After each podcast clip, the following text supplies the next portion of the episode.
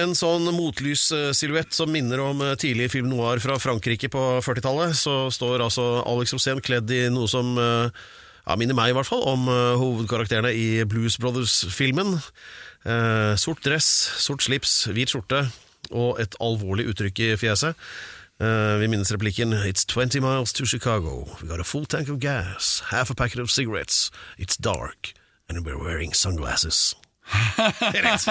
Ja. Men uh, det er jo en grunn til det. Det er høy høytidsstund. Det er jo, vi skal jo foreta et uh, veritabelt politisk varp i dag. Det skal vi. Jeg vil gjerne velko ønske velkommen hele Norges land Ja. Eh, inn her i denne fantastiske sendingen på Radio Rock som heter Alex Rosénshow. Og Alex Rosén, det er meg. Ja, det, det er deg. Og, men det kommer til å være sånn at i barneskolens historiebøker sånn i fra ja, sånn 2028 og fremover, så kommer da eh, det til å bli nevnt altså det, denne podkasten, denne episoden, som eh, en slags grunnstein for det, frem, det moderne Norge, da, hvor Senterpartiet har tatt over makten. Ja, for vi har noen fantastiske gjester i dag. Vi har det. Vi har uh, sjefen Ja. over alle sjefer, Ja. eh, Trygve Slagsvold Vedum, Ja. som vi har kjent eh, ikke bare pga. latteren hans, for den er litt funny. ja, den er det. Den er like Ja, kjent som din, nesten. Ja, det var det jeg skulle til å si.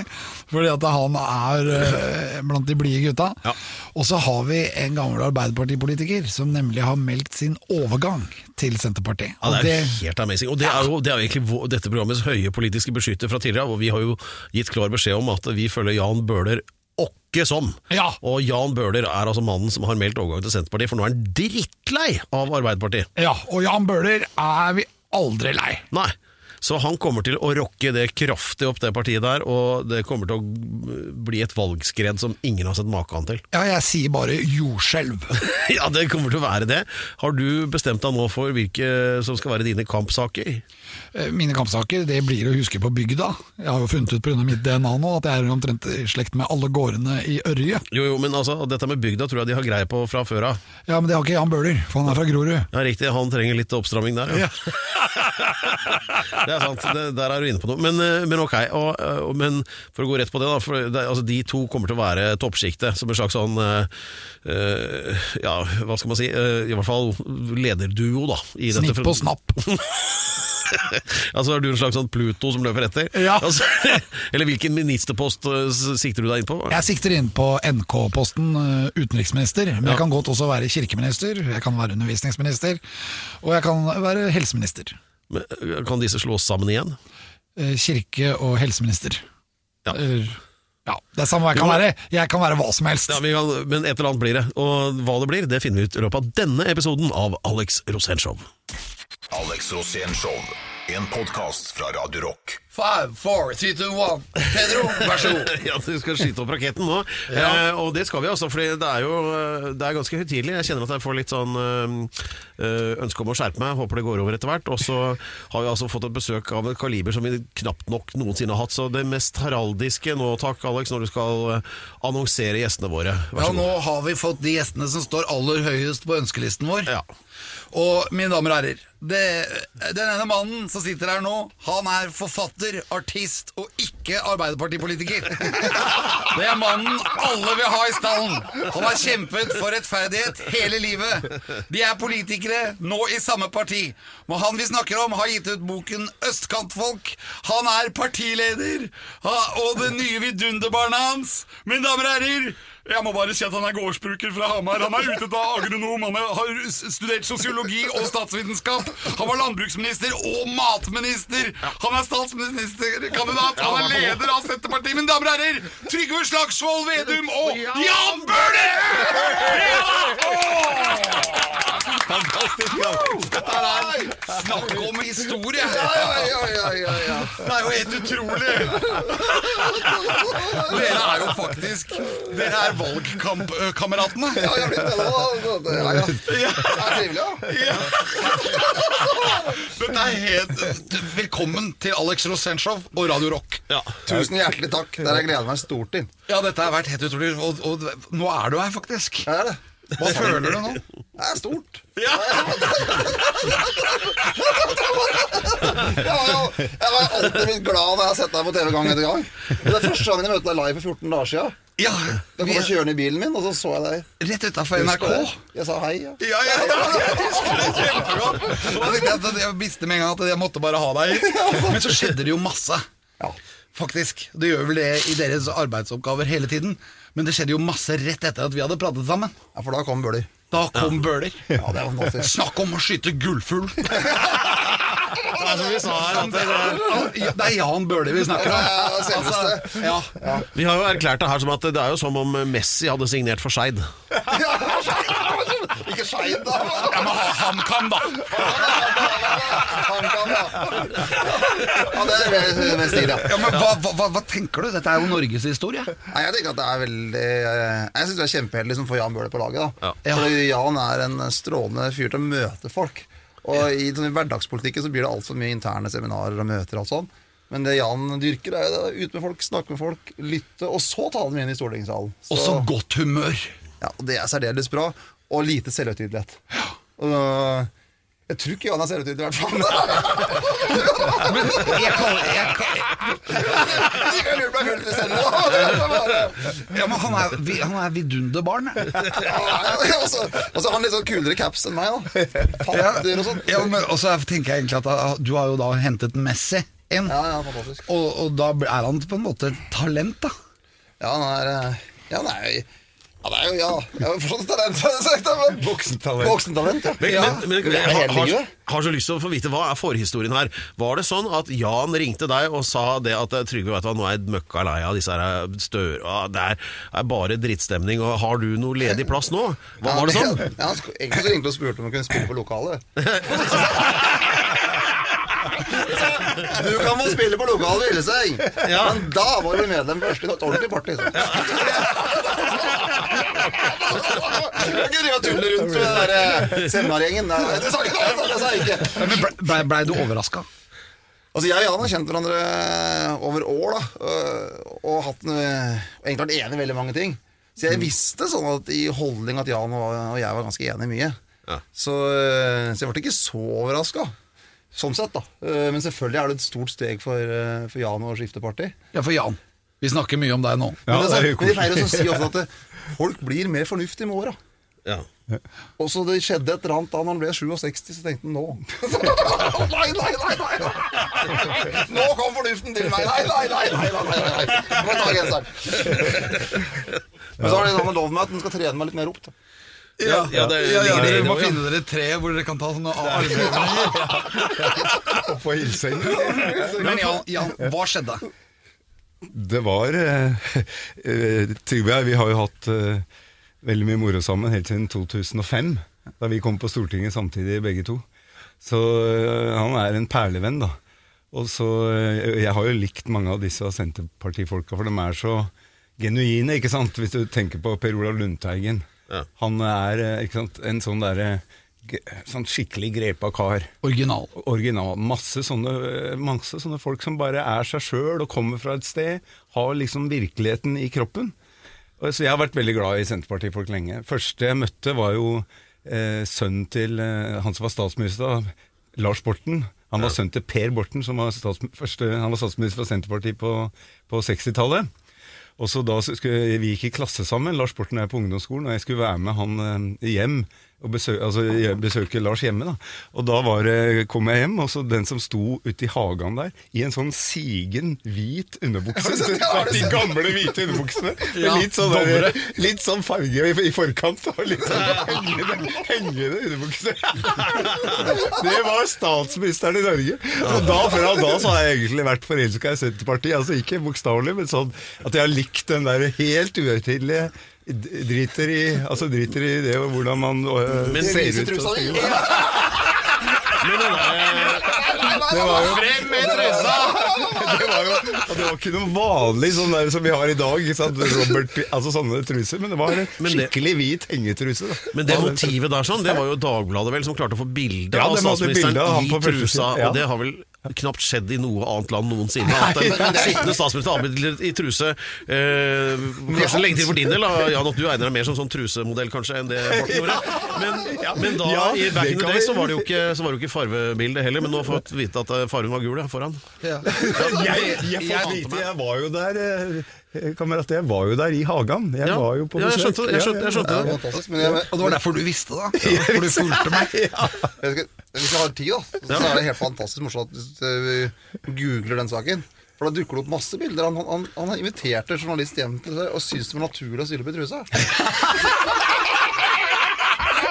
Det er vanskelig å toppe, altså. med hatt! Og det, og, men det som da dukka opp når jeg googla den saken, var jo at statsminister Per Borten Han ble også kin kidnappa av Oslo-russen. Kattarussen. Har du hørt det? Nei. Han ble kidnappa av Kattarussen. På vei ut av Stortinget så blir da statsministeren i Norge tatt av Kattarussen. Kjørt av gårde. Det var det PST sagt i dag. Og så står, så står det i saken. Og han ble tatt bilde av tett dansende med årets russeprinsesse. Han ble med på festen! Jeg syns jeg ser Erna Solberg nå. Liksom. Hadde- Det er sånne folk vi skal ha på Stortinget, altså. Jo, men det er altfor ja, Det må være lov å ha det gøy òg. Ja. Og på hvilken måte dette Når vi blir eh, 85 og, eller 90, ja, så tenker vi tilbake på livet. Tenker vi, Ja. vi har hatt det for lite gøy i livet. Man vi ikke tenke det? Og dere som har lyst til å høre hvordan uh, Vedum og Bøhler har tenkt å ha det enda mer gøy i norsk politikk fremover, følg med på denne podkasten som uh, ligger an til å bli relativt unik hvis den ikke blir trukket tilbake av eh, sittende myndigheter. Dette er eh, det stadig mer velrenommerte Alex Rosén Show, som i dag kan slå i bordet med den kommende norske udiskutable politiske elite. Eh, Det er, så det er derfor vi høres litt sånn, eh, litt sånn ekstra Og Alex har dress, som er nevnt tidligere her. Ja, jeg har jo pyntet meg for anledningen. Ja, du har jo det. Um, hvordan- Du har ikke gjort det, for å si det sånn. Nei, det glemte jeg. Men uh, Det er jo ikke uh, Ja ja, nok om det. Men, men i hvert fall det, Denne fremtiden som vi da så kanskje liksom, liksom grå og uformelig, altså norsk politikk. Alex, du har jo blitt så forventningsfull nå for hva, alt det nye flotte som skal skje. For disse gutta kommer til å ta over, tror du ikke det? Jo, det er jeg helt sikker på. Jeg tror eh, Det som er mitt spørsmål, egentlig, er hvem er statsministerkandidat? Ja, hvem er det? Skal vi ta den på? Den tar vi på håndbak nå med en gang. Den tar vi på håndbak. Rævkrok eller et eller annet. Ja, for det, Senterpartiet se- seiler jo nå i relativt god medvind. Ja, det har vi gjort. Og, eh, jeg tror noe av grunnen for det var at vi snakka veldig lite om posisjoner og mye om saker. da. Og det var noe av det fine når eh, jeg og Jan brukte en del tid sammen i sommer. At vi, ja, vi var ute og møtte folk i Da var det i Groruddalen, da, på Furuset og ulike steder. For å diskutere hverdagen til folk. For det er det skumleste i politikken. Når det bare blir sånn hvem skal samarbeide med hvem, og posisjoner og alt sånt. Så jeg, jeg prøver å snakke minst mulig om det, og mest mulig om eh, lokale saker. da. Og det, når, vi, når jeg og Jan var sammen, så var det veldig mye om lokale forhold i Groruddalen. Og det treffer jo. Jo, det gjør det, for jeg tror eh, Og så tror jeg veldig mange er glad i det her Norge der det er ganske små forskjeller. Altså at Det er litt stolte, det er landet der det er eh, mulig å ha et bra liv om du bor i Berlevåg eller om du bor i Oslo. Og at det skal være sånn at Men så tror jeg folk reagerer kraftig når de leser boka til, til Jan om F.eks. visse miljøer der, der det er utrygt å være ung gutt eller ung jente, for at det er for mange kriminelle som ikke blir slått ned på. Og det, det som er så fint med Jan, er at han skriver med varme også om den kriminelle gutten eller den kriminelle jenta Ja. men den er tydelig på, han er tydelig på handlingen. Det kan vi ikke godta. Men så ser han at det er mer menneske enn bare handlingen. Og det er den der fine miksen at du kan være hard på handling, men du må også være varm mot mennesket, som jeg liker så godt med den måten eh, Jan har jobba på. Ja, for jeg kjenner jo disse gutta, mange av dem. Snakker med dem eh, hver dag. Og, og det gjelder å komme bak den tøffe maska, ikke sant? og det er ikke så lett for oss voksne. Mange som skygger litt banen når du ser disse tøffingene med hettegenser og henger rundt og er, eh, er eh, liksom barske i utseendet og stilen. Så det er det å komme bak det og, og tenke at det er en gutt som var eh, sånn som jeg var gutt en gang, som står der.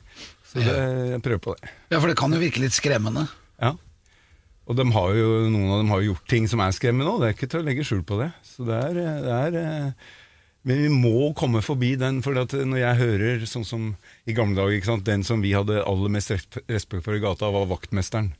Men når vaktmestere, vaktmestere sier til meg Så spør jeg kan du ikke gå bort og prate til dem, for de har tent på søppelkasser eller lagd noe masse bøll ikke sant, i borettslaget. Kan ikke gå bort og prate med dem. Så sier de nei, det tør jeg ikke. For de har stikket noe med kniv, eller de har slått ned noen her. Sånn at eh, Da blir jeg bekymra, da. Fordi at eh, vi må ha, eh, vi må ha den, det nærmiljøet som kan også ta tak i ting sjøl. Av voksne mennesker i nærmiljøet som kan eh, prate med disse ungdommene, få kontakt.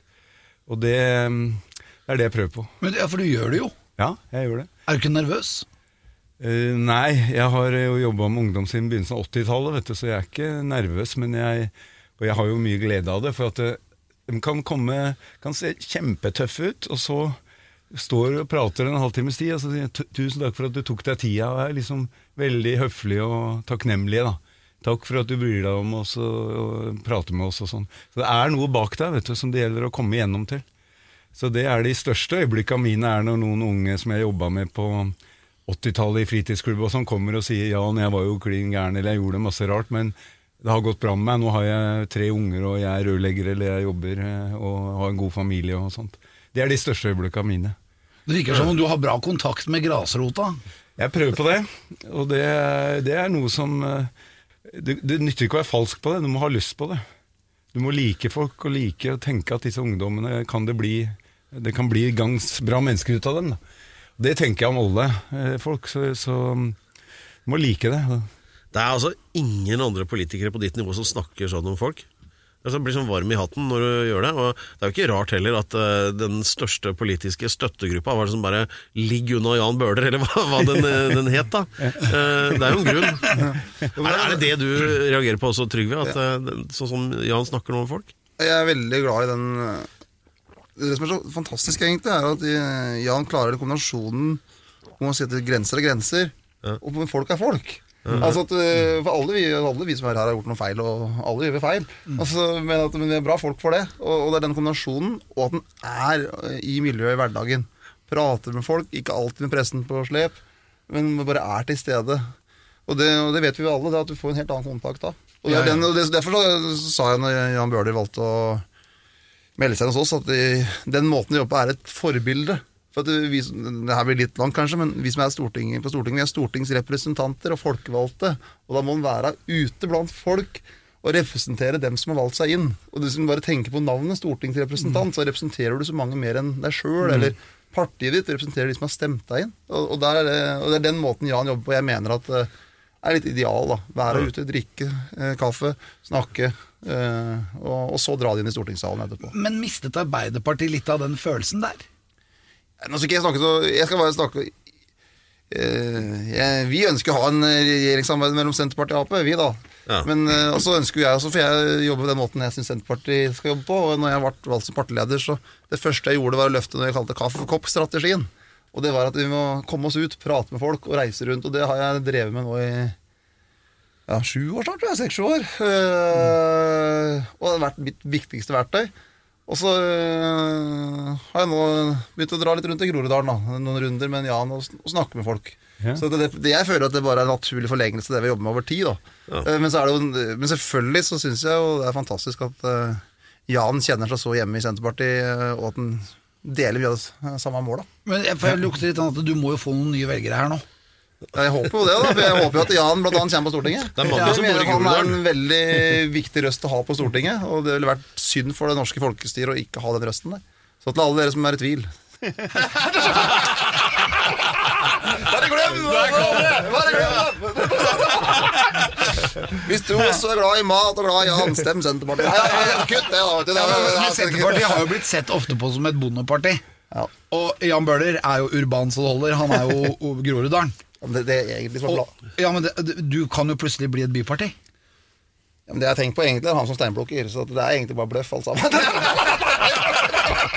Har du sett den bicepsen? Nei, nei, nei, nei, nei, nei, nei, nei.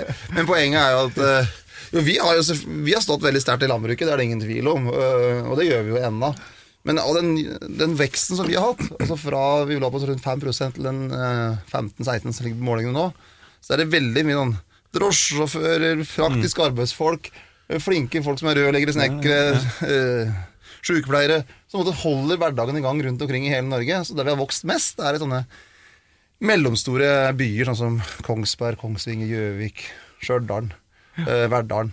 Også, på dere, og, også har vi vokst enormt på de her tyngste industristedene, sånn som Sauda eksempel. Der har vi, fikk vi over 50 eh, Så det, det, det, mest klass, det du tenker på mest klassiske arbeidersteder, det er der vi har vokst desidert mest, da, sånn som Sauda. Ja.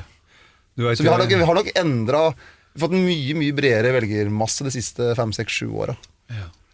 Du veit det, Alex, at eh, mange av oss Oslo-folk kommer opprinnelig fra bygda, vet du. Så min, eh, altså på farssida mi så kom jo oldefaren min, og oldemoren min inn til Oslo fra Mysen-området. Eh, Det var en bølegård der.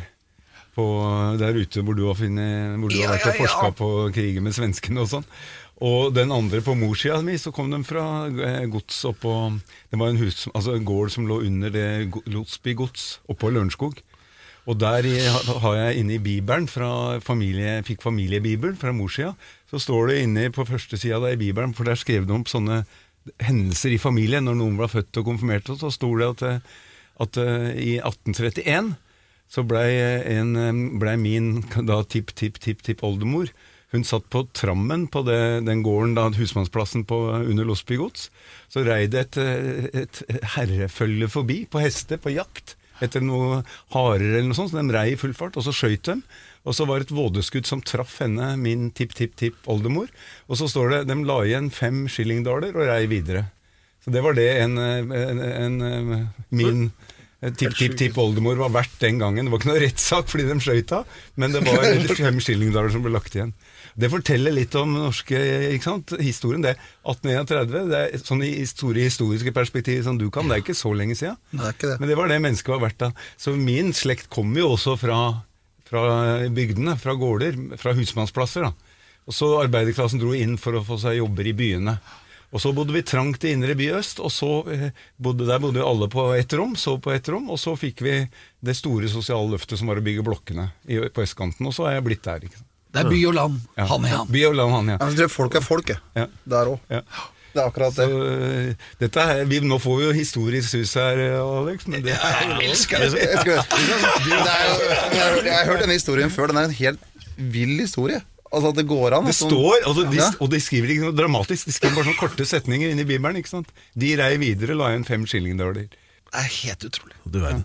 Ja, vi skal se litt nærmere på i hvilken grad eh, Jan Bøhler trenger å øke sin agronomkunnskap om litt her i Alex Rosénshow. Alex Rosén Show podkast. Hallo, hallo, Pedro, da er vi tilbake igjen. Jo, takk for det, Wake up, wake up. jo, det er det jeg sier, at jeg føler sånn at det er veldig viktig Eller det jeg tenker på, da, det er hva er det som har skjedd med Arbeiderpartiet når du går vekk fra Arbeiderpartiet? Fordi at eh, det virker som at det er litt sånn dårlig stemning. Eh, Jeg vet ikke. Jeg føler at det er veldig viktig med god stemning. Ja.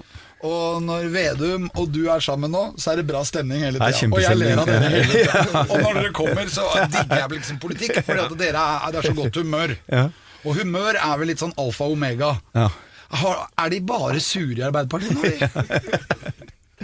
Nei, altså jeg, jeg er jo veldig glad i Trygve og, og flere, mange i Senterpartiet, fordi at eh, Trygve har liksom ryggen min. altså Han er blid, god, vi prater sammen hele tida.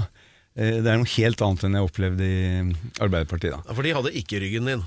De hadde ikke ryggen min, Nei. det har vel folk oppdaga. Ja. Og, og, og det er jo, er jo um, sånn at um, hvis, hvis et parti blir for internt, hvis det blir for mye av tida som går med til å planlegge hvem som skal nomineres til stortingsliste, hvem som skal velges til bystyreliste, hvem som skal posisjonere seg, fraksjonere med dem og dem, gjøre avtale med dem og dem, det blir fort en sånn spiral hvor det pågår egentlig hele tida. Hvor kreftene blir brukt veldig mye på det hele tida. Og det interne livet blir så dominerende. Så mange møter, så mye greier som øh, pågår. Og at det er det som er oppi huet på folk. da. Hvordan man skal planlegge neste eh, greie i forhold til å posisjonere seg, bli valgt til noe. eh, Sette noen andre ut på sidelinja. altså alt det der. Hvis det blir for mye av kreftene eh, i et parti brukes på det, energien i et parti brukes på det, eh, så kan det gå i stykker. Da mister man eh, tida, eh, eh, overskuddet, ta kontakt med velgerne, det å være blid og god når man møter folk, har lyst på å jobbe med sånn Jeg jobber med Groruddalsting, ikke sant, nye folkemøter vi har starta, driver med Natteravner, driver med idrettslaget, driver med musikk, så driver med trening og alt mulig. Altså, du, hvis du bare holder på med sånn intern eh, graving, sant, så blir, det, blir hele det overskuddet og partiets liksom, energi og utstråling overfor velgerne ødelagt. Du så det jeg, det, jeg opplevde det, at det ble mer og mer sånn. Og så når det da kom i så var jeg usikker på hvordan, for jeg så at dette var mye som gikk eh, gæren vei, som jeg ikke var enig i heller. Og så når det kom da eh, rundt sånn 4. juli, når jeg sendte ut den meldinga, så var det noen som da hadde tydelig, for da var det anonyme medier som hadde, nei, anonyme kilder til media som hadde påstander om meg da, som de skulle ha svar på. Og det, da fant jeg ut at eh, nå gidder ikke jeg være med på det lenger. Sånn var det. Ja, For, men, for Og- du var jo Per og min sin statsministerkandidat. ja, det har var du vært alltid. veldig glad for det. Det er jo dere som har rett Nei, unnskyld. Nei, korrigering.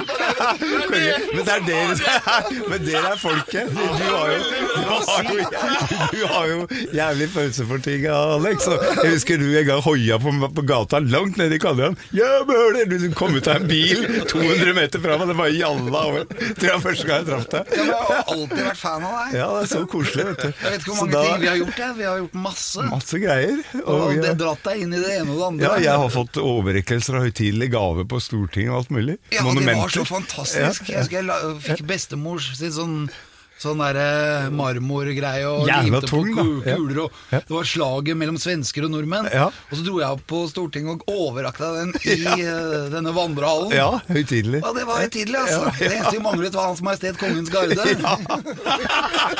Skulle jo stått der i rett. men det har jo det, det har jo høytidelig plass på Stortinget ennå, på mitt kontor. Ja, med bra. hele den som du hadde med kuler du hadde gått og eh, detektert nedi i marka ute på Mysen og sånn. Det er Ja, fantastisk. blykuler. Ja, Skutt av svensker Ja, mot nordmenn. Ja, ja. Eh, De siste blykulene som de siste kulene som er skutt av svensker mot nordmenn, er det ikke? Jo. jo. Dere hadde jo også et eh, forenklet 1. mai-tog en gang nede på Ja, Grønland. det hadde vi også! Jeg husker det, jeg husker det Alex. På Hvor, hvor det var en parole som egentlig bare oppsummerte eh, tidligere og fremtidige 1. mai-paroler. Eh, og det var vel egentlig bare mindre jobb, mer cash. Vi kjørte opp på en lastebil, sto og hoia med jeg Vi skulle møtes der, Ja, ja. og vi kom opp der. Og de måtte skulle lage demonstrasjonstog. Dette her var for TV 2. Ja. Og vi dro og lagde sånne store plakater. Og mens vi sto der, så kom jo hele Grønland rundt oss. Og det vil si hele verden, faktisk. Det var jo folk fra hele verden der. Og de stilte seg rundt, og alle var helt enige. hadde, det ble svær oppslutning bak oss. det- ja, og det ble mer og mer. Det startet jo at vi var 30-40 stykker. Og det vi kom fram, vi skulle gå 150 meter, det var ikke langt. Nei, nei, nei. bort på et hjørne, og når vi kom fram, så var vi over en kilometer. For alle var enig i det. Og vi bare sto og skreik 'mindre arbeid, mer cash'. Det var, det var, der så du du, du gikk jo til det demonstrasjonstoget, og du mente det. jeg, jeg sto jo oppå lasteplanet. Ja. Foran- Vi hadde jo roperter og sånn. Ja, Det er på en måte Det det du gjør, er jo å holde kontakt med velgerne Ja. med godt humør. Ja. Og det må jo være noe sånt som at det funker, Ja. tror jeg. Ja. Og ta folk på alvor, da. Ja. Så tror jeg det, så tror jeg det er ekstremt viktig, for at det er noen som det, noe det tristeste jeg hører nå, i hvert fall mer før, at det, politikk er ikke noe jeg skjønner, det er noe der borte, at det er noe skremmende. Men det er jo livet ditt og mitt. Og derfor så er det så ekstremt viktig nettopp den der hverdagspraten. Og det er det det handler om, da. Og går det- hvis jeg og Jan hadde kjørt for slagordet 'mindre jobb, mer cash', kanskje jeg hadde fått litt bråk. Hvis jeg... Det det skal være, det skal være slagordet. Ja, men det er jo noe med fremtida også. Det høres kanskje litt nonsjalant ut, men det er kanskje noe riktig da. Vi må jo tenke miljøvern, vi må jo tenke masse forskjellige ting. Ja, ja. Så mer cash og mindre jobb. Det passer meg i tilfelle, i hvert fall. For de fleste var det. Det er van- er vanskelig å være uenig, i hvert fall. Ja, ja, ja, ja. Jeg er jo veldig for det med fatter'n. Jeg har caps her med, som det står fatter på. Vi lærte jo liksom gjør din plikt. Før du får din rett. Altså Du må stille opp. Vet du. Så der, vi har, eh, men vi stilte opp i 1. mai-toget. Det gjorde vi. Det gjorde vi med bestefaren min også, sa det. Uh, gjør din plikt, krev din rett. Ja, det er den rekkefølgen. Ja, og ja, for du skal gjøre det som eh, forventes av deg, og Ja. du skal i militæret, du skal gå på skolen, du skal gjøre et par-tre ting, Ja. og så kan du kreve din rett etterpå, for Ja. da har du gjort noe Ja. for å kunne kreve noe. Ja. Det er litt moral i det der. Det er det. Altså, tror jeg det gjør livet så mye bedre òg. Altså, jeg tenker på til jentene mine at du liksom må lese, begynne å jobbe litt for er små. Altså, og, jeg tror det, I hvert fall jeg sjøl kjenner jo en helt annen tilfredsstillhet. De verste dagene jeg har, er hvis du går og suldrer hele dagen og ser på mobilen og ikke gjør noen ting. Men hvis du har jobba og gjort noe og kan være stolt av arbeidslaget ditt Ja, noen ganger er det litt deilig, da. Men det er kanskje jeg har et, er jeg et problem. Da. Jeg, at jeg er litt for sånn at jeg, føler, at jeg har litt for mye plikt. Da. Ja. Men uh, vi skal ta oss og Altså, sjekke kanskje, kanskje har litt for mye plikt. Vi skal ta oss og sjekke litt det der med, med plikt og rett eh, om et lite øyeblikk. eh, en bit, fordi uh, vår fremtidige, muligens da, statsministerkandidat fra Senterpartiet, uh, Jan Bøhler, eller blir det Trygve, vi vet ikke helt. Men dette kan vi avgjøre med en liten landbruksquiz nå om et lite øyeblikk. Vi har besøk av ja, Aldri har vært mer by og land hand i hand enn i Alex Rosenshov i dag. Vi har besøk av eh, herredsagronom og partileder Trygve Slagsvold Vedum. Og eh, urbanist og eh, nyslått statsministerkandidat, kanskje, i Senterpartiet. Vi driver også og fordeler ministerpostene litt her. Alex har satt, litt, satt øynene sine litt på kulturministerposten. Du skal få jobbe litt for den etterpå. Ja, men men først, bare sånn for å avdekke mulige altså, Noen tror kanskje at Jan Bøhler, eneste han kan om eh, landbruk, er eh, altså traktorsko og Grorudpalme, men eh, vi skal se nå om det kan være det stikker dypere. Eh, spørsmål én. Fullfør denne setningen. Det er bare førstemann, altså. Jeg er havren, jeg har En gang til. Nå må ikke du prate, Nei, men han, han prata. Å ja, alle Ja, prater ja, egentlig. alle prater. Ok, det En gang til, Per. er ikke helt Knut Bjørnsen her nå, Ja, føler jeg. men eh, en gang til, Ja, jeg skal gjøre det. Slapp av nå. Uh, fullfør denne setningen. Jeg er havren, jeg har Bjeller på Et poeng. Der er det ett poeng til Grorud. Ett poeng, vi det, du, nå har du som Per Jorseth, ikke sant? Ja, jeg er Per Jorseth. Ett poeng. Og så, uh, nå er det, her, her skal begge få eh, avgi et svar, da, så er det den som kommer nærmest som uh, vinner. da. Hva er prisen om dagen for en dose med oksesæd? Sånn gjennomsnittlig, da. Hva, det, Er, er, er du potetbonde eller oksebonde? Jeg hadde, hadde, hadde okser før, men jeg har ikke det nå. Nei. Nei, jeg vet ikke, Et par hundre kroner. Du sier 200, hva sier du, Jan? Oksesæd, det høres dyrt ut, altså. 500-600 kroner. Ja, det, er, der, du, det, der, det poenget går altså til, til, til Hedmark. Nei, unnskyld, Innlandet. Altså Trygve. Fordi det ligger mellom 140 og 340, litt avhengig av hvor jålete du skal være med avstamning og sånn. da. Så middels grei en 200. Syns jeg er undervurdert. Ja. Det, Ja, men Så det er sånn, kunne mer sånn der wa- wagyu-beef eller noe sånt, og du er på der sikkert. Med, Japansk sånn fettokse. ja. Eller sånn Belgian Blue. De er svære. Ålreit, så det er 1-1, så da, bare, da 1-1. nå er det decideren. Uh, og nå igjen så er det da førstemann til å svare. Skal vi se, Norges største øy, det er Det er ikke det som er spørsmålet, da, men det er- Norges største øy. Helgøya er Norges største innlandsøy. da Ja, men, Ja, det er det, det. ja, men det er ferskvann, da. Ja.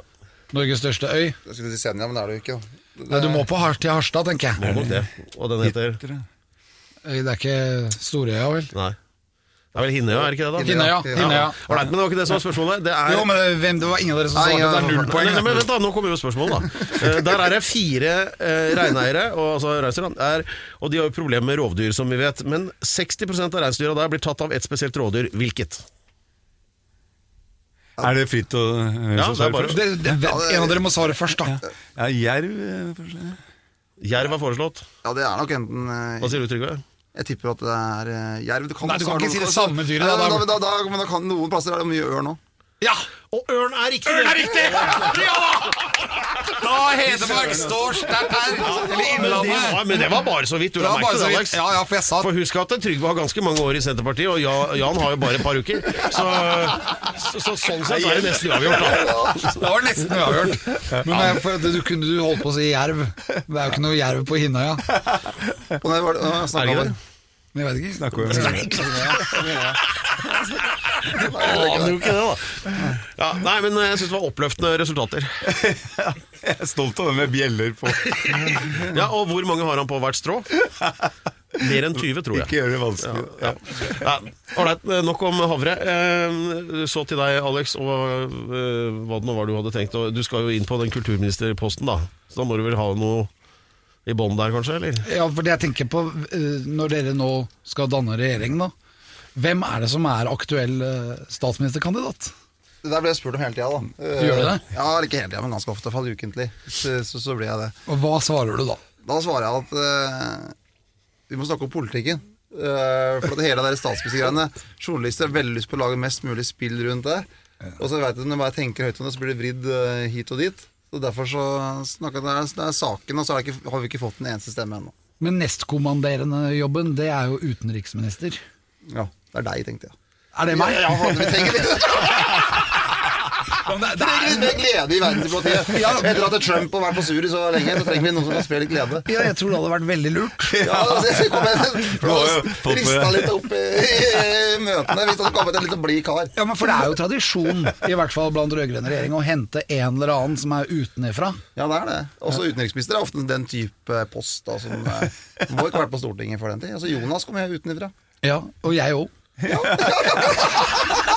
Jeg, jeg tror egentlig UD-diplomaten hadde litt godt av det. Ja, jeg, jeg, jeg tror det. Jeg tror hadde blitt glad òg. Ja, for jeg kunne ha hatt eh, Jeg er veldig bra til å bli venner med folk. Ja, akkurat. Og det er lurt. Og så må man kunne klare oss å gjøre et par bra hestehandler. Jeg er bra der òg. Ja, så må du skapt litt sånn eh, Vi måtte myke opp forholdet til Russland etter hvert. Og. Jo, de har kjempebra forhold til Russland. Ja, det har jo endt opp i slåsskamp hver gang, da, ja.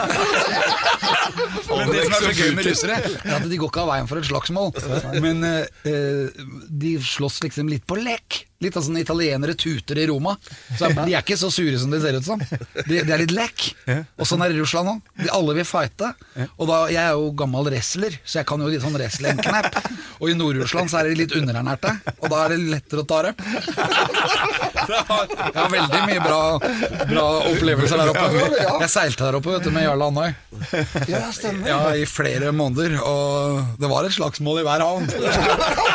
Men altså, er jo den norske politikeren som kan slå bicepsen til Putin. Ja, ja jeg veit. Men det er veldig bra. Hvil- hvil- Hvilke triks er det du kommer til å bruke, Jan? Nå Vi møter når- Putin.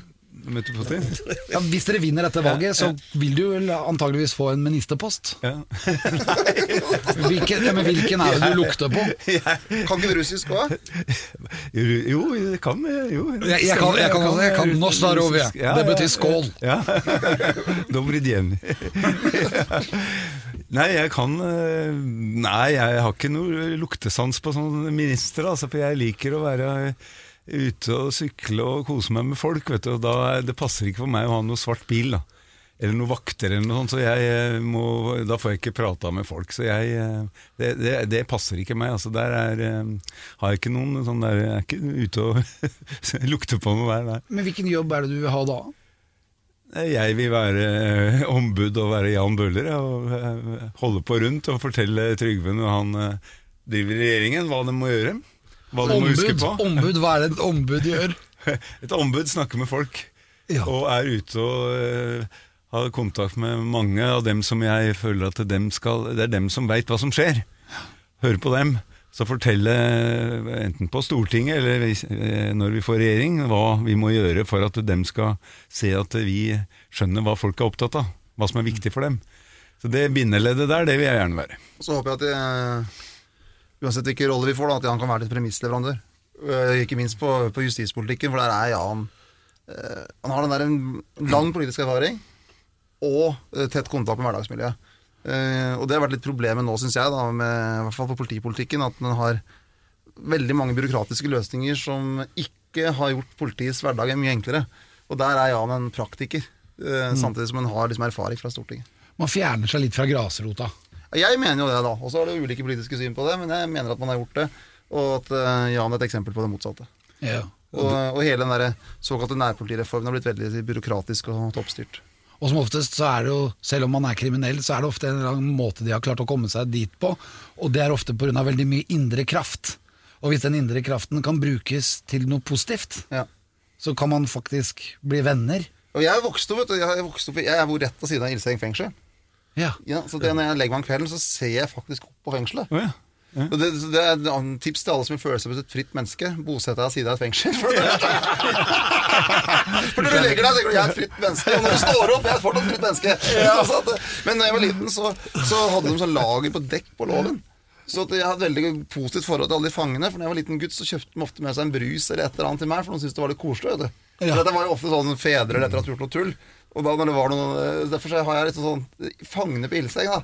Ja. De var veldig trivelige folk. Altså Nå har det blitt mer Nå er det mer hardere, mer kriminelle. Men det, det er litt hjemme nå. Men, men da jeg var liten, så var det mer eh, deg og meg som hadde Gjort noe gærent. Gjort noe gærent, ja. Kjørt i fylla eller kjørt for fort eller Ja, for det er mye sånn pallesnekring der, er det ikke det? Og før så var det mer det. Men Ja. hvis du gjør den type eh, krim nå, så er det mer hjemmesoning. Oh, ja. Altså du har eh, Mm. bånd. Så nå er det hardere, litt, litt hardere folk, men det er folk, det òg. Så at, eh, men du kan ta den der Sverige-historien. Ja. Fordi at jeg, hadde, jeg og Jan som stortingsrepresentant så er det én gang i året så er det på middag på Slottet. Og så, eh, så fikk jeg tilfeldigvis sånn at prinsesse Astrid eh, kom bort til meg, altså, eller jeg bort til hun da, og begynte å prate litt. Og så fortalte for jeg hadde sett den Kongens nei i den filmen, vet du. Ja. Og så fortalte hun om, om jeg spurte husker du dette greiene. Og så, jeg, jeg husker det veldig godt. Og så fortalte jeg en ting som ikke var med i den filmen, og det var når de kjørte da fra Elverum og skulle over til Sverige ved Selen.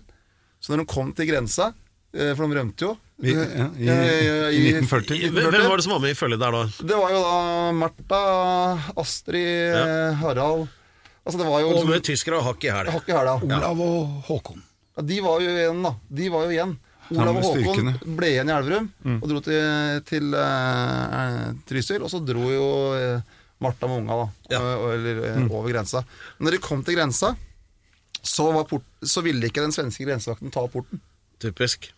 Så apropos med Sverige og Norge. Så det ville, og Martha ble så fortvila, for det var jo hennes far som var konge i Sverige. Og ble mer og mer fortvila, Men hun nekta å åpne opp ved grenseporten. Og så til slutt så hadde da Hun ble vel kronprinsesse på det tidspunktet. da Martha har sagt at uh, bare kjør på gjennom porten selv om den ikke åpnes.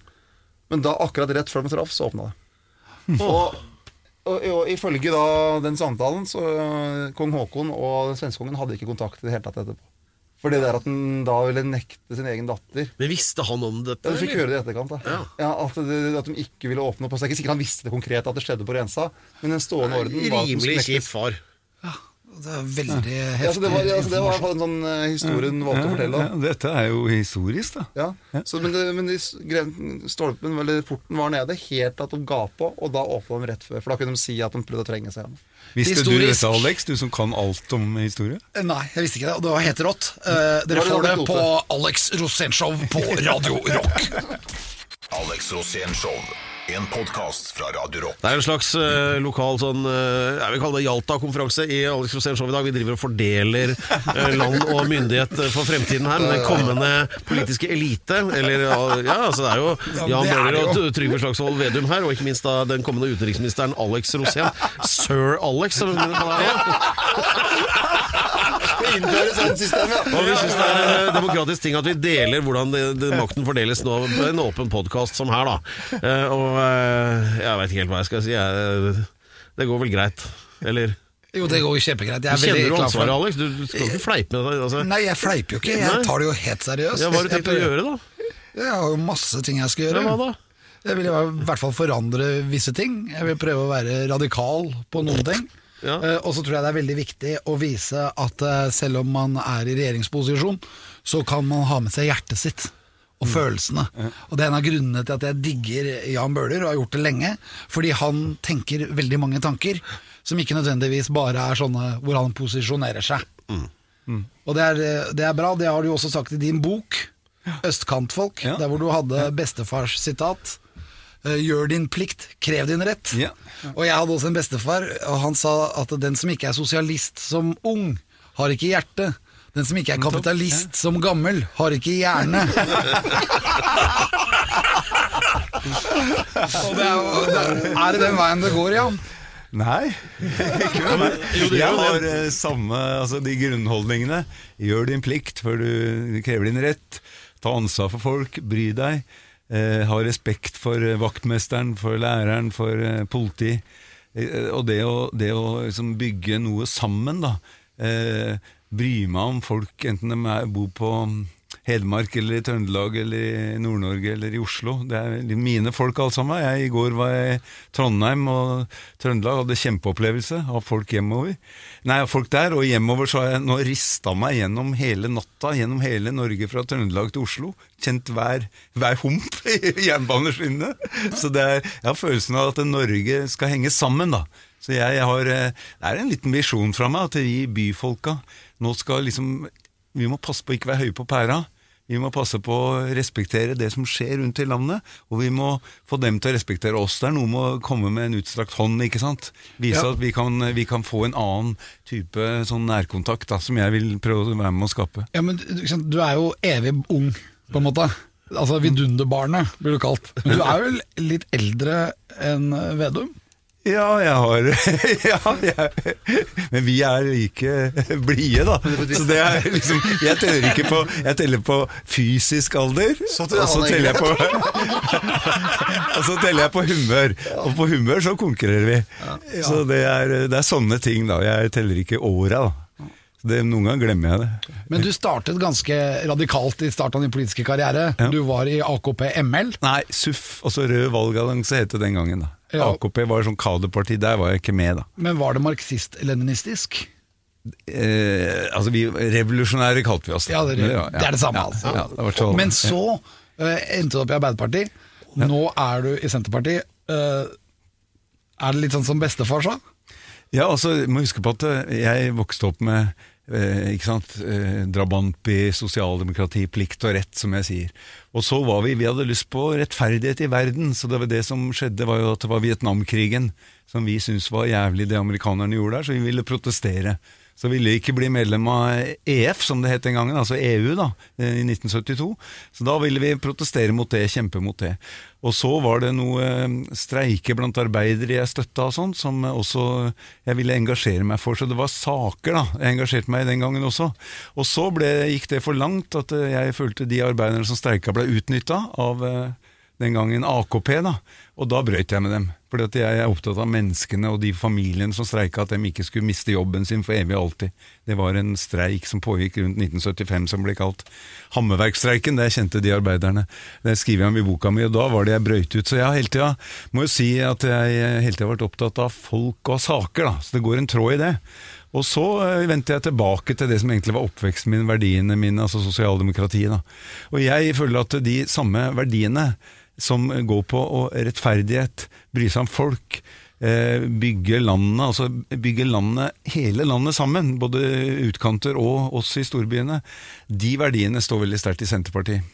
Sånn at jeg, jeg Å være liksom folkekjære, jordnære, sunt bondevett, det er for meg det samme som plikt og rett og de verdiene jeg står for. Så du er rett og slett jeg- fornuftig? Jeg, ja, rett og slett sunn fornuft. Den finner jeg mye av i Senterpartiet. Så jeg, jeg, syns det er en tråd i det jeg gjør, da. Jeg, altså for meg handler det ikke om partier, det handler om mennesker. Å stå for noe. Kjempe best mulig for det, de verdiene jeg har eh, egentlig hatt med meg hele livet. Men hvordan er det med landsbygda? Landsbygda er jeg veldig glad i. At vi hadde, Fra jeg var gutt, så vi leide oss inn på bondegård. For da hadde vi ikke råd til hytter og sånn. Så når jeg var gutt, så leide vi oss på bondegård på Hadeland med Randsfjorden.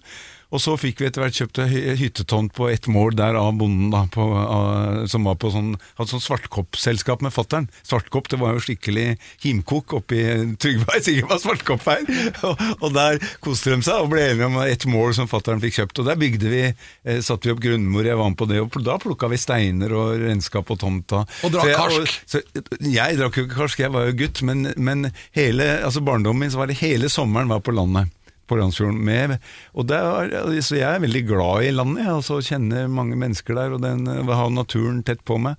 Det har vi i Groruddalen nå, vi har skauen rett utafor blokkene, så jeg måtte jo flytte opp eh, Jeg har bodd nede på eh, Furuset Haugenstua som først i tolv år nå, og så flytta jeg opp på Ellingsrud, som er helt ut mot skauen. Og der ser jeg også, har jeg også historiske vyer, for det var der Karl 12. angrep Oslo, og der vi stoppa Karl 12. Så da hver morgen så ser jeg ut på de skansene og tenker her har vi kjempa mot Kallen 12. Jeg er klar! Jeg er klar! Jeg er klar! Hver morgen står ut og spenner muskulaturen og tenker her har vi stoppa den! Her er vi. Det er bra vi er venner med Sverige nå, da. Vi er jo egentlig venner. Vi er egentlig venner, men vi, har, vi sliter litt med den, da. Ja. Med korona og andre ting. Og så Svinesund. Ja. Det er stengt der nå. Ja, det er stengt her nå. Vi får jo håpe at det Vi får håpe så fort som mulig at de kan begynne å besøke hverandre igjen, da. Ja. Det er litt stusslig. Ja, det er det. Ja. Men jeg tenker på, er det litt sånn derre Hva er det landsbygda er forbanna for nå? For nå er de litt forbanna. Nei, men det jeg tror spesielt hvis du tar eh, Ta, ta Nord-Norge, for eksempel. Da. Så er det mange som har opplevd at eh, politiet har blitt eh, borte fra lokalsamfunnet sitt. Jeg har opplevd at i Finnmark og Troms at fylkene har blitt tvangssammenslått. Har opplevd at eh, Widerøe-tilbudet og flytilbudet har blitt dyrere. Og så ser du summen av ulike ting da, som, eh, som regjeringa har gjort, eh, gjør at det tilbudet som det offentlige tilbyr, er blitt mye dårligere der de bor. Men hva med vindkraft? Det er jo ikke så jo, populært heller. Ja, det er spesielt på Vestlandet. Altså i ja. Og Trøndelag. Ja, og Trøndelag. Men kanskje, I Trøndelag er det mer konsentrert. Men på, i Møre og Romsdal og Sogn og Fjordane og Hordaland så er det enormt uro rundt det. Og det som er noe av hovedproblemet der, syns vi, da, er at lokalsamfunnet ikke har hatt en mulighet til å kunne si ja eller nei, at man kan bestemme det lokalt. Eh, slik at, uh, og de som har gjort mest inntrykk på meg, er når jeg har vært et lokal, var eh, i Nordhordaland, og der det var noen lokale som sa at vi, vi får vindmøller der. Men vi kunne ikke bestemme noen ting over det. Og det, tror, og det har vært noe av tradisjonen i Norge at vi har hatt stor mulighet til å bestemme ting i den enkelte kommunen, og da hadde konfliktnivået blitt mye lavere. Så vi, vi vil at kommunene skal kunne ha et lokalt veto, eller skal kunne bestemme fullt og helt, hvis de skal vindkraft i sin kommune. Også, Vil, vil du endre på det? De, ja, det vil vi endre på. Så at vi, at vi vil endre At det skal inn i noe som heter plan- og bygningsloven. At kommunene kan si ja eller nei, og da kan ikke staten overprøve det. Og hvis de skal ha vindkraft, at mer av inntektene kommer tilbake igjen til lokalsamfunnet. Slik at hvis du gjør et naturinngrep i et område, at da skal de som bor i området også få større glede av det inngrepet. Så det, det er en sånn praktisk politisk endring som jeg håper vi skal få flertall for på Stortinget. Det er jo rimelig det at hvis du bor på et sånn forblåst sted, at du får noe igjen for det. Det syns jeg jo. Ja, men det er men det er det som er så fantastisk, da. Det som er så utrolig gøy når du reiser rundt eh, ja, Sist uke så var jeg i Berlevåg. Altså, det er jo noe av det mest heftige stedet du kan dra i Norge, syns jeg. Langt ut i havgapet, så langt nord du kommer. Og så de enorme verdiskapningene det har med fiskeriressurser. Der har de et eh, Skal de nå bygge en hydrogenfabrikk, er planen. Altså Det er så mye flinke folk. Og det er det du egentlig merker uansett om du er i Groruddalen eller i- Berlevåg. At det fins flinke folk overalt. Men så trenger han de her grunnleggende tinga som skole, politi eh, At det er sånn, et, et offentlig tilbud. Og det svikter på en del av de små stedene. Men jeg mener også, hvis du, når du drar til Groruddalen, så det, også der har, den, eh, har det svikta en del av de offentlige tilbudene som er for dårlige. Og det er det som er Norge henger sammen, som Jan sier. At det, vi, og folk er folk. Men, men Alex, merker du at Pedro han lukter på en ministerpost nå? Han kommer med sånne kommentarer. Nei, jeg skal være en sånn, sånn, sånn, slags hører jeg. Goebbels for Alex, uansett hva han ender med. Hviske han litt i øret når det trengs. ja, men, men så- jeg tror Men så må dere nesten ja, han ville gjort seg på, som statue. Ja, Som en sånn, slags sånn der ferdig sånn gipsform for eventuelle statuer. Nå er det sånn Churchill-lookalike, da. Ja, han er det. Det er mye power der, altså. Jeg håper vi tar Dette skal jeg spare på det opptaket her og konfrontere dere med ved en passende anledning. Men verdt. eh, så du at alle de, alle de der dårlige vibbene fra folk i ditt gamle parti, så du de komme, eller? Uh, nei, jeg hadde tenkt eh, når jeg sa uh, la oss skille som venner Uh, Nå skal jeg være i Senterpartiet, men eh, la oss fortsette å være gode venner. Så hadde jeg tenkt at det ble oppfatta. Jeg sa jeg vil ikke si noe negativt om det partiet jeg har vært i. Og, og Det var veldig hyggelig jeg, å si, da. Ja, og jeg tenkte ja, jeg, jeg, jobba, jeg har vært der og gjort eh, Til nå så hadde jo alle sagt at Jan har jobba døgnet rundt, og det hadde jeg gjort i 35 år. Og, og, eh, og min lokale folk, altså den som er kan si, min partilagsleder på Ellingsrud, der jeg bor, og også i bydelen, han som var partileder der i bydelspartiet i mange år, han, de skryter av meg og sier jeg har stilt opp på alt og vært eh, til stede. Men, men eh, så var det da noen av de mer eh, sentrale i Oslo Ap da, som satte i gang med noe skjellsord. Jeg ble jo, altså jeg blir eh, overraska hvis partiet betyr så mye at man setter det over vennskap når man har kjent hverandre i f.eks. 20-30 år. Men altså bare for, for å kalle jeg- en, spade en spade Når noen i det partiet går ut og kaller deg jævla sviker, Ja. ja, da, det er rødt kort, ass. Ja, det er jo det, man, sånne tullinger. ord man bruker om spioner og sånt. da. Ja. Og, og sånn at jeg, altså jeg, jeg, jeg, opplevde jo å få veldig mye sympati, og det er jeg glad for. Det er veldig mye gode mennesker i Norge, og i Ap òg, så jeg fikk jo veldig mye støtte og sympati også fra grunnplanet i Ap. Ja. Så de har jo, det har jo vært mot sin virkning for dem som har hivd ut til det, men det er jo, jeg tenker på at øh, hvis man ikke er medmenneske, medmenneskelig og reagerer sånn, da må man tenke på hvorfor man driver med politikk. Altså, jeg trodde politikk handler om å gjøre det gode. Men eh, Raymond Johansen, han sa du tar ikke telefon. Eh, men det skal du bare ta helt rolig, ja, for det gjør ikke jeg heller. Ja, sånn er det. det. Nei, vi kan ikke ha noe av den der til Jan Bøhler. Og sånn er det at hvis du kødder med Jan Bøhler, da kødder du med oss og Trygve. Så vi har ryggen. Du verden som tida flyr, eh, Alex. Ja, det sa brura òg. Eh, sa det? Nei, sa, sa mye. Hun kan si alt!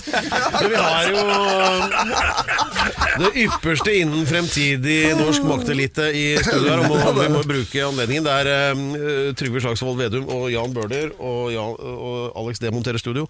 Uh, og um, vi skal vel stake ut en slags kurs. Vi har snakket litt om dette med medmenneskelighet i politikken og sånn, og Alex har snust litt på ministerposter. Men hva tenker du, Alex? Hva skal du da som minister gjøre for at eh, det jeg er opptatt av, da, det er at det der oljefondet, det må ikke søle bort på noe tull. eh, For at hvis du får noe med det å gjøre, så blir jeg litt urolig. ikke sant? Men hva, hva tenker du om det? Sånn, altså, en ting er hvordan vi skal fordele pengene, men vi må få dem inn nå, ikke sant? Ja, jeg, jeg tror jo at det er veldig viktig med innovasjon. da At det er viktig å lage ting. At vi kan skape produkter i Norge, og ikke bare være avhengig av råvarer. For jeg tror at man må legge opp litt sånn som en av mine helter, da, Elon Musk.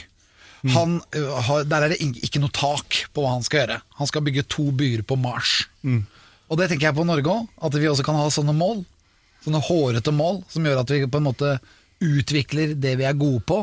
Sånn at vi kan bygge et land hvor arbeidsplassene tilvirker ting som vi trenger, uten å skade miljø. Da tror jeg vi har kommet veldig langt. Og da, da må vi bruke hjernen litt, og så må man slippe løs de som er gærne. De som, altså Nå tenker ikke akkurat på men, det, Per. men, det, det er kjempebra det du sier nå, Alex. Jeg er helt enig, til og med. For en gangs skyld. Ja. Men hvis, du- men hvis du ser Har du sett sånne montasjer av de her største oljeplattformene sammenligna med Eiffeltårnet? Ja, ja, fra- fra- av. Fra ja, bunnen av. bunnen. Ja, det er så drøyt. Det er så drøyt. Så det er jo helt ellevilt hva norske ingeniører har fått til. Ja. Takket være at det var en tanke på 60- og 70-tallet at vi må bygge arbeidsplasser og industri i Norge. Og det er det som har vært kanskje litt skummelt nå, for nå har vi hatt så høye inntekter at vi tenker at vi bare kan leve av de gamle, gamle bragdene. Men vi må hele tida skape en ny industri, ny verdiskaping. Og slippe de kreative folka løs, da. Ja. Og du ser jo hva man fikk til på olje- og gassektoren. Det er helt, helt vilt. Og så husk eh, Hva er en av de største oppfinnelsene vi har funnet på i Norge? Hvis du- Det det, er ikke Oslo, vel sikkert. Nei, og det er ikke, ikke, Så det har noe med, landbruk, noe, noe med landbruk å gjøre? Gjødselsprederen. Nesten. Det som er opp inn. Uh, Kubøk. Å, den som går rundt. Kunstgjødsel. Oh, ja. Kunst, ja, ja, ja, Hydro. Hydro. Ja. det er brødfødt verden. Ja. Tenk for en revolusjon det var når han klarte å lage gjødsel av luft. Ja. For dette var, Og det var han Sam. Eide var den gærneste av alle, det er det jeg har hørt. i hvert fall, Som kom opp med der Han lagde også elektrisk kanon, den ble ikke fullt så vellykka. Men eh, så, Elektrisk kanon. Ja, det er sant. Han lagde en elektrisk kanon. Det Men det- det var Nei, men, altså, point, men men- det viser at det, det er jo hvilken revolusjoner sånn, og hvilken industrieventyr det skapte. Altså, vi må bare ha deg som næringsminister òg, sånn. Ja. Utenriks- og næringsminister. Legge ting til rette for å få fram, få, få fram ting. Og så må, må man følge med på, sånn at vi ikke gjør noe gærent. Og så må vi også, det men vi mener da, det er at vi også må sikre nasjonalt eierskap, at vi må ha en del miljøer i Norge, Mm. eh, sånn at vi satser og utvikler her, og har kontroll på naturressursene. Det mener vi da. Ja, men man må også kunne sette av en liten del til børsen, sånn at folk kan kjøpe seg inn i det, det der de har lyst til å eie ting.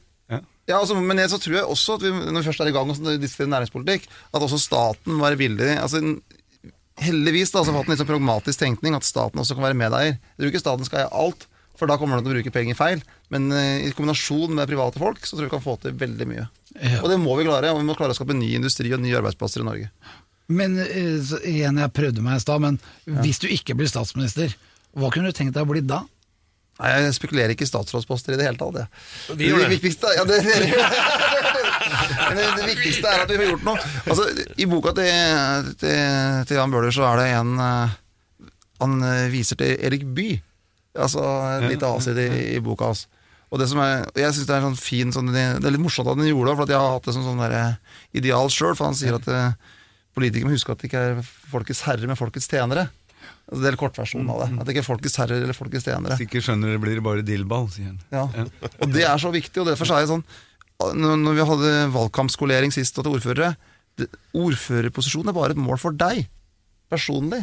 Men det må jo være et middel for de som valgte deg inn. Altså For skolen, for sykehjemmet, for at du skal ta vare på lokalsamfunnet ditt.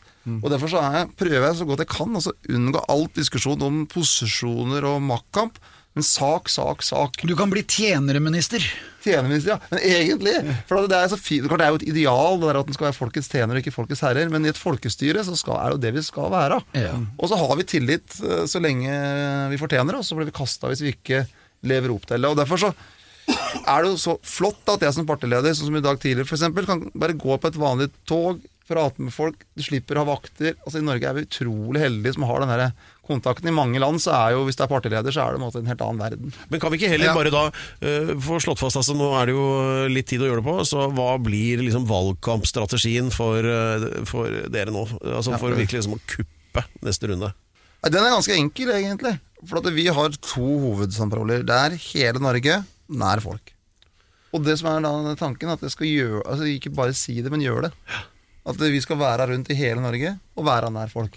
Eh, Så at, Jan skal være nær folk i Oslo, eh, drikke kaffe, snakke, diskutere. Og at vi skal på en måte leve det vi, leve det vi sier. Det har liksom vært ideen min helt fra starten, egentlig. Og for at vi, Når jeg sier at skal politiet nær folk, og vi skal grunnleggende tjenesten nær folk, så må også jeg som partileder, stortingsrepresentanter, være det. Minst mulig fokus på sosiale medier og de type plattformene. Mest mulig fokus på hverdagsmøtene. Det er litt gammeldags, men det er liksom den trua jeg har da, på politikk. Og det jeg tror enda viktigere nå med den koronaen, at den faktisk er ute og møter. Og så må vi selvfølgelig ta de reglene på alvor med smittevern og sånn, men å være ute og møte folk. I hele landet. Det er bra. Det gleder jeg meg til, for det er sånn det skal være. Da, da kan jeg bare fortsette sånn som jeg har håpet, holdt på, Alex. Og være eh, ute og treffe folk. Eh, Det jeg syns er fint nå, er også at jeg treffer folk eh, mer i hele landet. da. For nå eh, blir jeg invitert eh, her og der, ikke sant. Og da får jeg mer den følelsen at vi skal bygge noe sammen mellom oss drabantbyfolka og de samme menneskene rundt i landet, som er folk som Trygve kaller småkorsfolk, jeg kaller arbeidsfolk, eller Trygve òg, som, eh, som vi må bli mer kjent med hverandre og stole mer på hverandre. da. Og så tror jeg det blir helt umulig for de andre partiene når eh, Senterpartiet og Jan og jeg kommer med forslag f.eks. på mer satsing på politi i Groruddalen. Eller områdesatsing, eller andre tiltak for å ta tak i hverdagskriminalitet f.eks. eksempel Så tror jeg det nesten helt umulig for andre partiene å si nei. Så jeg tror så, uh, i sum så, kan, så tror jeg vi kan gjøre en del uh, Gjøre en forskjell. Eh, for at det er vanskeligere å si nei når vi, vi står sammen om det. Og både Arbeiderpartiet og Høyre og Frp da blir litt nervøse hvis de da sier nei til det. Så jeg tror vi kan få gjennomslag for en del hverdagsforbedringer for folk. Ja, Dette blir rein walkover, føler jeg. Alex, er det ikke? Jo, jeg bare gratulerer. Gratulerer, valgkampkameratene. Ja, men vi skal ikke, ha ikke fått noen stemmer ennå, da. Ja, Vi skal vi hadde kose oss og treffe folk, så eh, går det bra. Ja. Og så må du huske da når du skal rundt og drikke kaffe, at du ikke blander med sånn svart kopp. Da, at, Ja, svart kopp, det er skummelt. Altså, det, er, det smaker noe jævlig også. De har sukker oppi òg, vet du. Masse sukker. Jeg smakte én gang, og det var nok. Ja, det var det. Jeg er ikke bra i det. Jeg har smakt det flere ganger. Det, er, det går helt greit, men det, er, det minner meg om barndommen, holdt jeg på å si. Det var mer av det før. Ja, det var mer av det før. Ja. Nei, vi har jo hatt altså et slags sånn derre uh, ut, en slags magna carta for den fremtidige altså Senterpartiet V20. Eh, er det noe mer du vil legge til Alex, for at dette skal være fullendt? Ja, det jeg vil gjøre, er å takke eller? vår eminente researcher, Lansnes, Ja. med fantastisk research. Vi takker også på teknikken, Remi, Martin. Og ikke minst programleder Pedro Gianfranto Loca de la Hustados. Han er jo generelt søreuropeisk. Og ikke minst våre fantastiske gjester Trygve Slagsvold Vedum og Jan Bøhler. Tusen takk! Alex Rosenshov på Radio Rock er tilbake neste lørdag. Samme tid, samme sted. All right, everybody, come on right now. Alex Rosénshow på Radio Rock. Ny episode hver fredag der du finner dine podkaster. Radio Rock. Å drive en bedrift uten regnskapsprogrammet TrippelTex er litt som å piske krem uten miksmaster. Det går jo, men det bare tar masse unødvendig tid. TrippelTex, det fleksible regnskapsprogrammet som forenkler hverdagen for over 100 000 fornøyde kunder. Prøv gratis på TrippelTex.no.